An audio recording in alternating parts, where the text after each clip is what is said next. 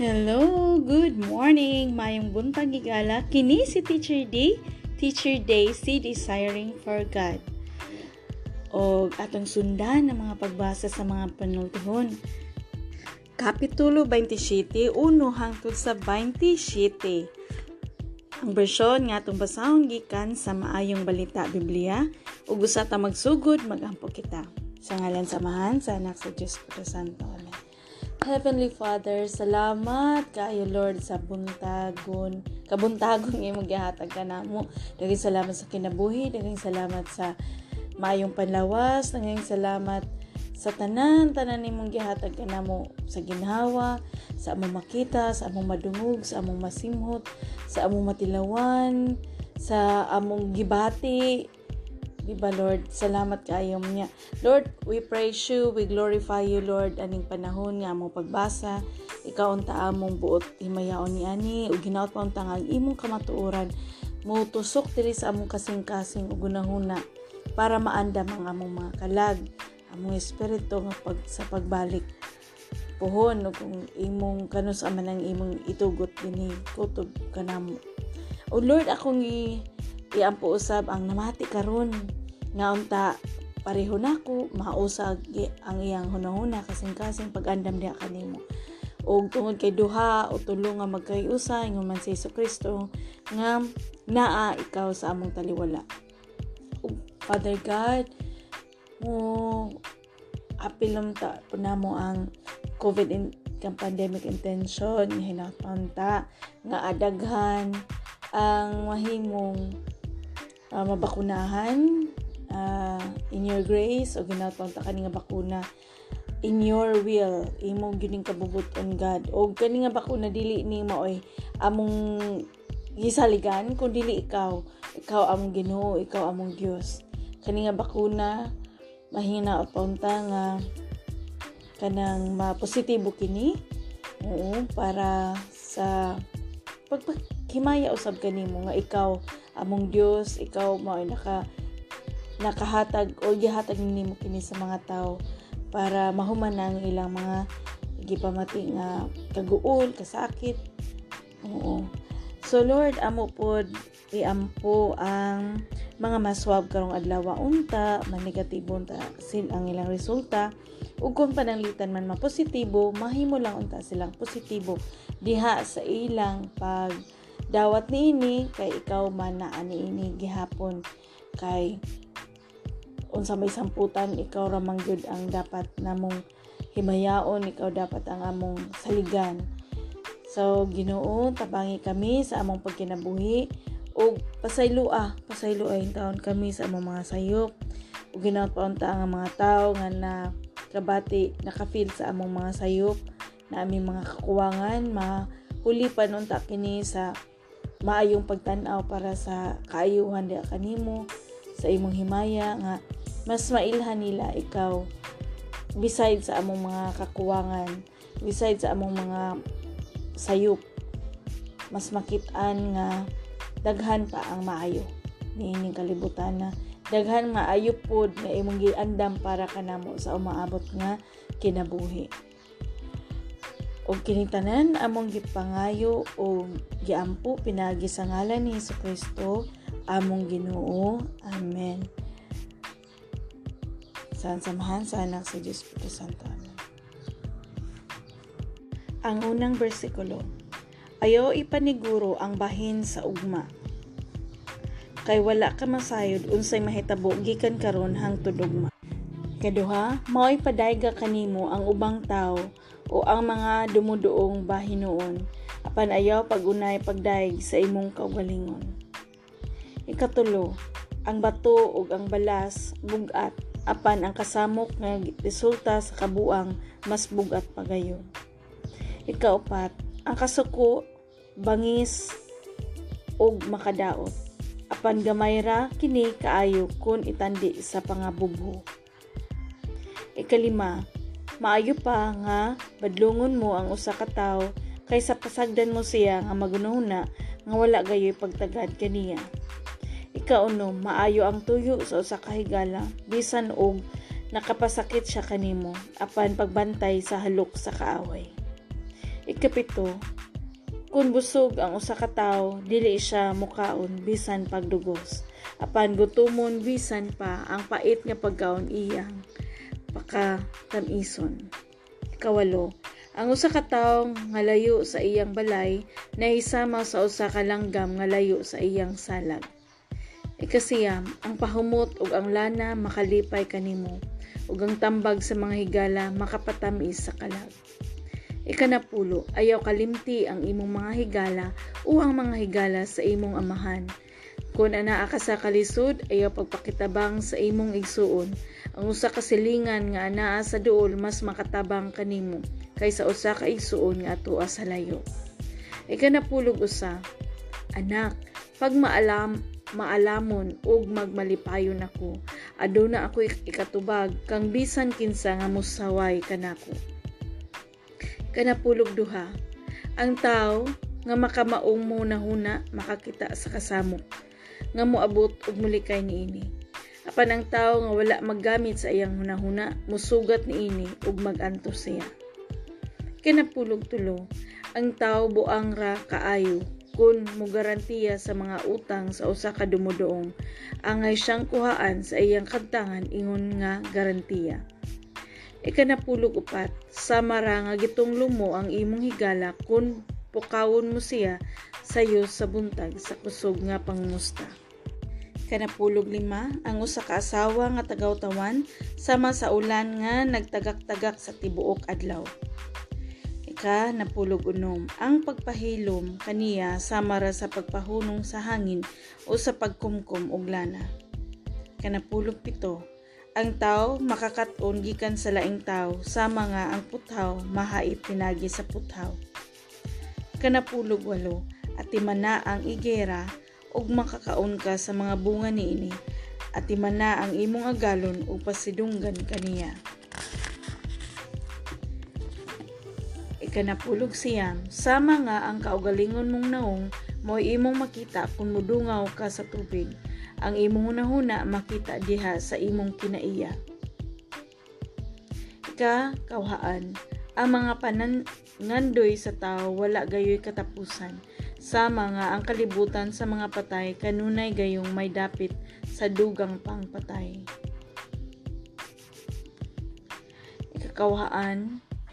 O usa. Ang bulawan o plata sulayan pinaagi sa kalayo ug ang usa ka tawo pinaagi sa pagday. Kakawhaan og duha. Bisan paglugkon mo ang buang-buang hangtod nga mapulpog siya, magpabiling gihapon ang iyang kabuang. Kakawhaan og tulo. At imana pag-ayo ang imong mga karnero ug ang imong kahayupan. Kakawhaan og upat kay ang kadato dili mulungtad hangtod sa hangtod bisan gani ang mga hari sa kanasuran. Ikakawhaan og lima, galaba ang kumpay ug samtang nanubo kini pag-usab. Mahimo nga pamutlon mo ang mga sagbot nga anaa sa kabungturan. Ikakawhaan og unom, makahimo kag bistigi kan sa balahibo sa imong mga karniro ug makapalit kag yuta sa halin sa imong mga kanding. Kakawhaan og pito, ang gatas sa kanting maghatag kanimong pagkaon ug sa imong banay ingon man sa imong mga sulugon nga babae. Mao kini ang pulong sa Ginoo. So, yan na po kita sa atong ika 27. Mm-mm. Daghang salamat sa Ginoo nga nagkauban na usab kita pagpamati. So, again, na tayo tulo ka puntos nga atong istoryahan nga marag nakapa-strike nato no. Pinaka number one nga nakapa-strike nako.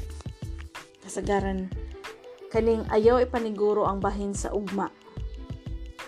Ug wala ka masayod unsay mahitabo gikan karon hangtod ugma uh, nasa versikulo 1. Bali, ang ako reflection ni Ani, mm, just enough para nako kanang sakto lang kung kaning pag-eskwela, kung kaya nimo mag-eskwela din, eskwela. Diba? Dili man tanan nga mga uh, successful sa kinabuhi mga ning eskwela.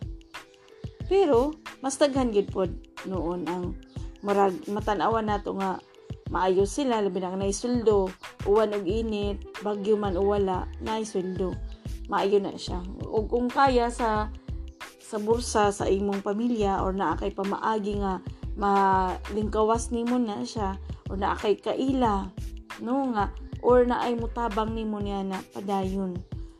Pero dili gid ingon nga himuon natong particular kay mura pag mauna lang gid ba? Mm-hmm. mantakaybaw sa panahon diba? Watakaybaw ugma. Uning taod-taod. Kuhaon na bata oo. So kinahanglan mangandam always. Mangandam kung kanu sa ta kuhaon. Kay we are in the line. We are next in line. So kung atong isipon nga we are next in line we have to be conscious conscious ta sa atong mind nga kita'y sunod. Nata sa sunod oh, kinahanglan ka maot ka magpatigayon ni aning ang gihatag na katalento sa Ginoo kanato ikaduha mao ang kaning ikaunong. Maayo ang tuyo sa usa ka higala bisan og nakapasakit siya kanimo apan pagbantay sa halok sa kaaway. No? Kanang nana ba kay kaaway? Mm, nakaaway. Nya pagbantay kung kana nga kaaway muhalok. Murag ni siya murag ahon na reflect niya ni katong si Judas bitaw nga hingahap ni Jesus. Mm, kaning mga Judas mga Judason bitaw. Naana bay mga kuan di ba atong mga higala kasagaran maura ni magsungog nato mura po'y mag pero bisan pa man sa ilang pag uh, ilang kinaiya hmm, sila pud ang klase nga higala kung makaagi ka niya na klase nga higala nga mutabang nimo kung kalisod ka not financially but emotionally. Kay mas labaw pa ning emosyon kontra sa financial. Kayo sahay kaning kwarta pwede pa na nimo makitaan. Pero ang emotional nga side kung dili pangandaman mamahimo siya nga uh, makapaluya sa kinabuhi. Naka-feel na baka nang naluya ka? Okay kaning ika tulo na to nga verso uh, bersikulo mo ning ang ika napulog usa anak pagmaalamon ug pag magmalipayon ako aduna ako ikatubag kang bisan kinsa nga musaway kanako siguro kung ang atong mga ginikanan no malipay ni ani kung maayo ang atong panabot. Kung nag-eskwela ka kung unsa imong gibuhat unsa imong nakatunan. O di ba ang mga ginikanan o inana siya. Yun inana ang gibuhat sa akong anak di ba? So, kana siya nga part, unsa pa kaha ang atong amahan nga sa langit? Nga kinahanglan natong sabton kini nga dapat magmaalamon kita. Ug malipay siya. Oo. Kay di ba kani siya nga part? No, ang mga panultihon mga kang Solomon ba yan ni? Oo, kang Solomon ni. I think kung mao ni ang gihatag ni Solomon kanato nga kanang guide no? I, I think of this as guide because ang kang Solomon gasa manggod direkta ni God. So pag maalamon ug magmalipayon ang Ginoo. Wow. So kinahanglan gid ta mag-study mag magtuon. Magtuon unsay kaayuhan niya unsa siya unsay maka makahatag og kalipay niya Diba? Unsay makabutang mga butang pod nga.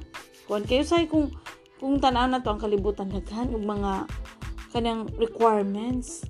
Daghan og mga taong kinahanglan nato i, i, mo appreciate sila nato no? Kanang murabag mas murag mo kuanta nga naka, nalipay ba ka to siya? Or nakontinto ba ka to siya? Sa kung panalitan sa pagluto nakontinto ba ka to siya? So wherein kung si God ang atong i-place you, you, yung pa, buhaton lang ni mo sa imong kaya, buhaton ni mo sa kanang unsay naani mo. And then kung ma-appreciate sa tao maayo. Pero kung kung dili okay ra pud kay unsa taman? Di ba unsa taman? Kay daghan tag i-please sahay kaning kalibutan nato daghan tag i-please i-please nato atong uminyo ka i-please nato imong bana kung na kay anak dapat i-please po nimo imong mga anak. Kung naa mga parente dapat ma-please pud sila nimo. Mga amigo ma-please sila nimo. Ang imong mga kon. Pero sa tinuod lang no? Kung kaila sila nimo kung uh, makaintindi lang sila um, dili man ta kinahanglan gyud ma dili mo always pleasing kay tao ra bayata um, dili ta maingon pa ang imong pleasing sa imong kugalingon dili mahimong pleasing sa uban. And just accept. Gawaton lang na nato ngayon na naragit na. Then move on. Tomorrow is another day. Oh malay na pong adlaw. Ang problema karon sulbaron sa kaya. Kung dili masulbad kay kasagdan. Ang problema ho nimo di, di ka kasulbad. No. Pero kung kana nga problema kung kita ra po naghimo na nga problema sama sa mga sala mm, di man pwede nga ang imong sala tungod kay sala ni Pulana. O, ang, ang sala nimo dili sala salain. Ang sala nimo sala nimo. So kung kana nga problema nimo imo nang pangitaan og pamaagi nga malingkawas ka ni ana. O, pinaagi sa pagduol nato ni Hesus Kristo. Kay siya man ang dalan, ang kamatuoran o ang kinabuhi. So, mas mailahan nato siya ang atong atong self kung nagbuhat patag sakto, nagbuhat patag sakto nga dalan kay kung kung kay ba ka nga sayop niya, balik ta sa Ginoo. Nagbuhat tag sayop, balik sa Ginoo. Pero kung naana ka sa Ginoo, no? Kanang aware ka always nga kana kung buhaton na nako sayop. Wa pa lang na nimo buhata kay baw na ka nga sayop wala pa lang nimo sugdi kay baw na ka nga sayop. Wala pa lang nimo nga tuwa kay baw na ka nga sayop. So, inana kanindot ang kinabuhing Kristohanon nga aware ta sa atong palibot, aware ta sa atong sa atong gibuhat, aware ta nga kaning tanan nga atong gibuhat nati padulngan kaning tanan nga atong gisulti naatay padulngan naapod tay paglaom nga kanang giandam sa Ginoo. Oo, liliman kag giandaman tag kwarto, lawak na to sa langit. Oo, nga iyan ang gistorya. Kisa pa may di mo tuuan na, nga ginoo naman ang nagistorya niya na. Ikaw, unsa may mong gituuhan. Di ba? Kung dili ta sa ginoo kag samanta. Kung ang atong lihok dili pang ginoo, para asa man? Kung ang atong mga hunahuna wala ang Ginoo, kinsa man atong ginuhuna? Kinsa man ang atong Ginoo? Kung ang atong kasing-kasing wala dinhi ang maayong hiyas sa Ginoo, unsa man nga hiyas ang naa dinhi? So ato na siyang bantayan igsuon ko diha ni Kristo. Daghang salamat ha sa pagpamati og ato nang uh, dinhi na lang takutob og magampo kita.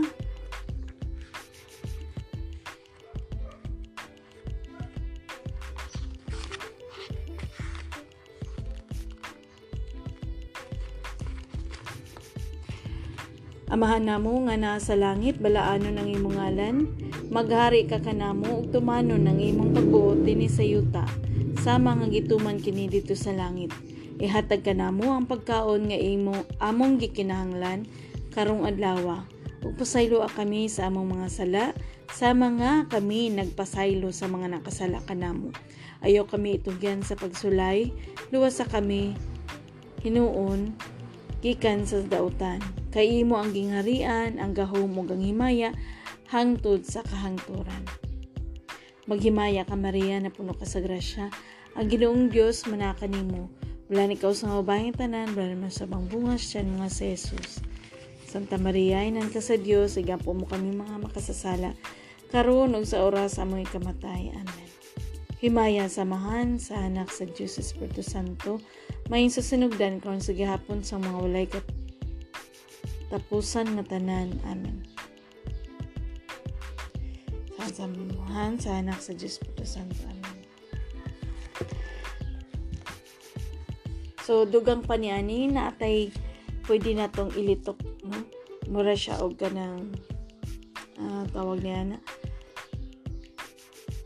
um, night man ni nakalimot ko. Pero pwede ka musumay ha. Kay ako, anak sa Dios Amahan, pinaagi kang Hesus Kristo, akong Ginoo manluluwas, inubanan sa Espiritu Santo. Ako mahigugmaon. Ako may pagtuo ako may paglaom. Ako mapasayloon. Ako magmapasalamaton. Ako magmanggihatagon. Ako responsable sa akong istorya. Ako magmatumanon sa sugo. Ako magmadayigon. Malang ka. Thank you. This is Teacher D, Teacher Daisy desiring for God, and inviting you that we will desire for God together. Bye!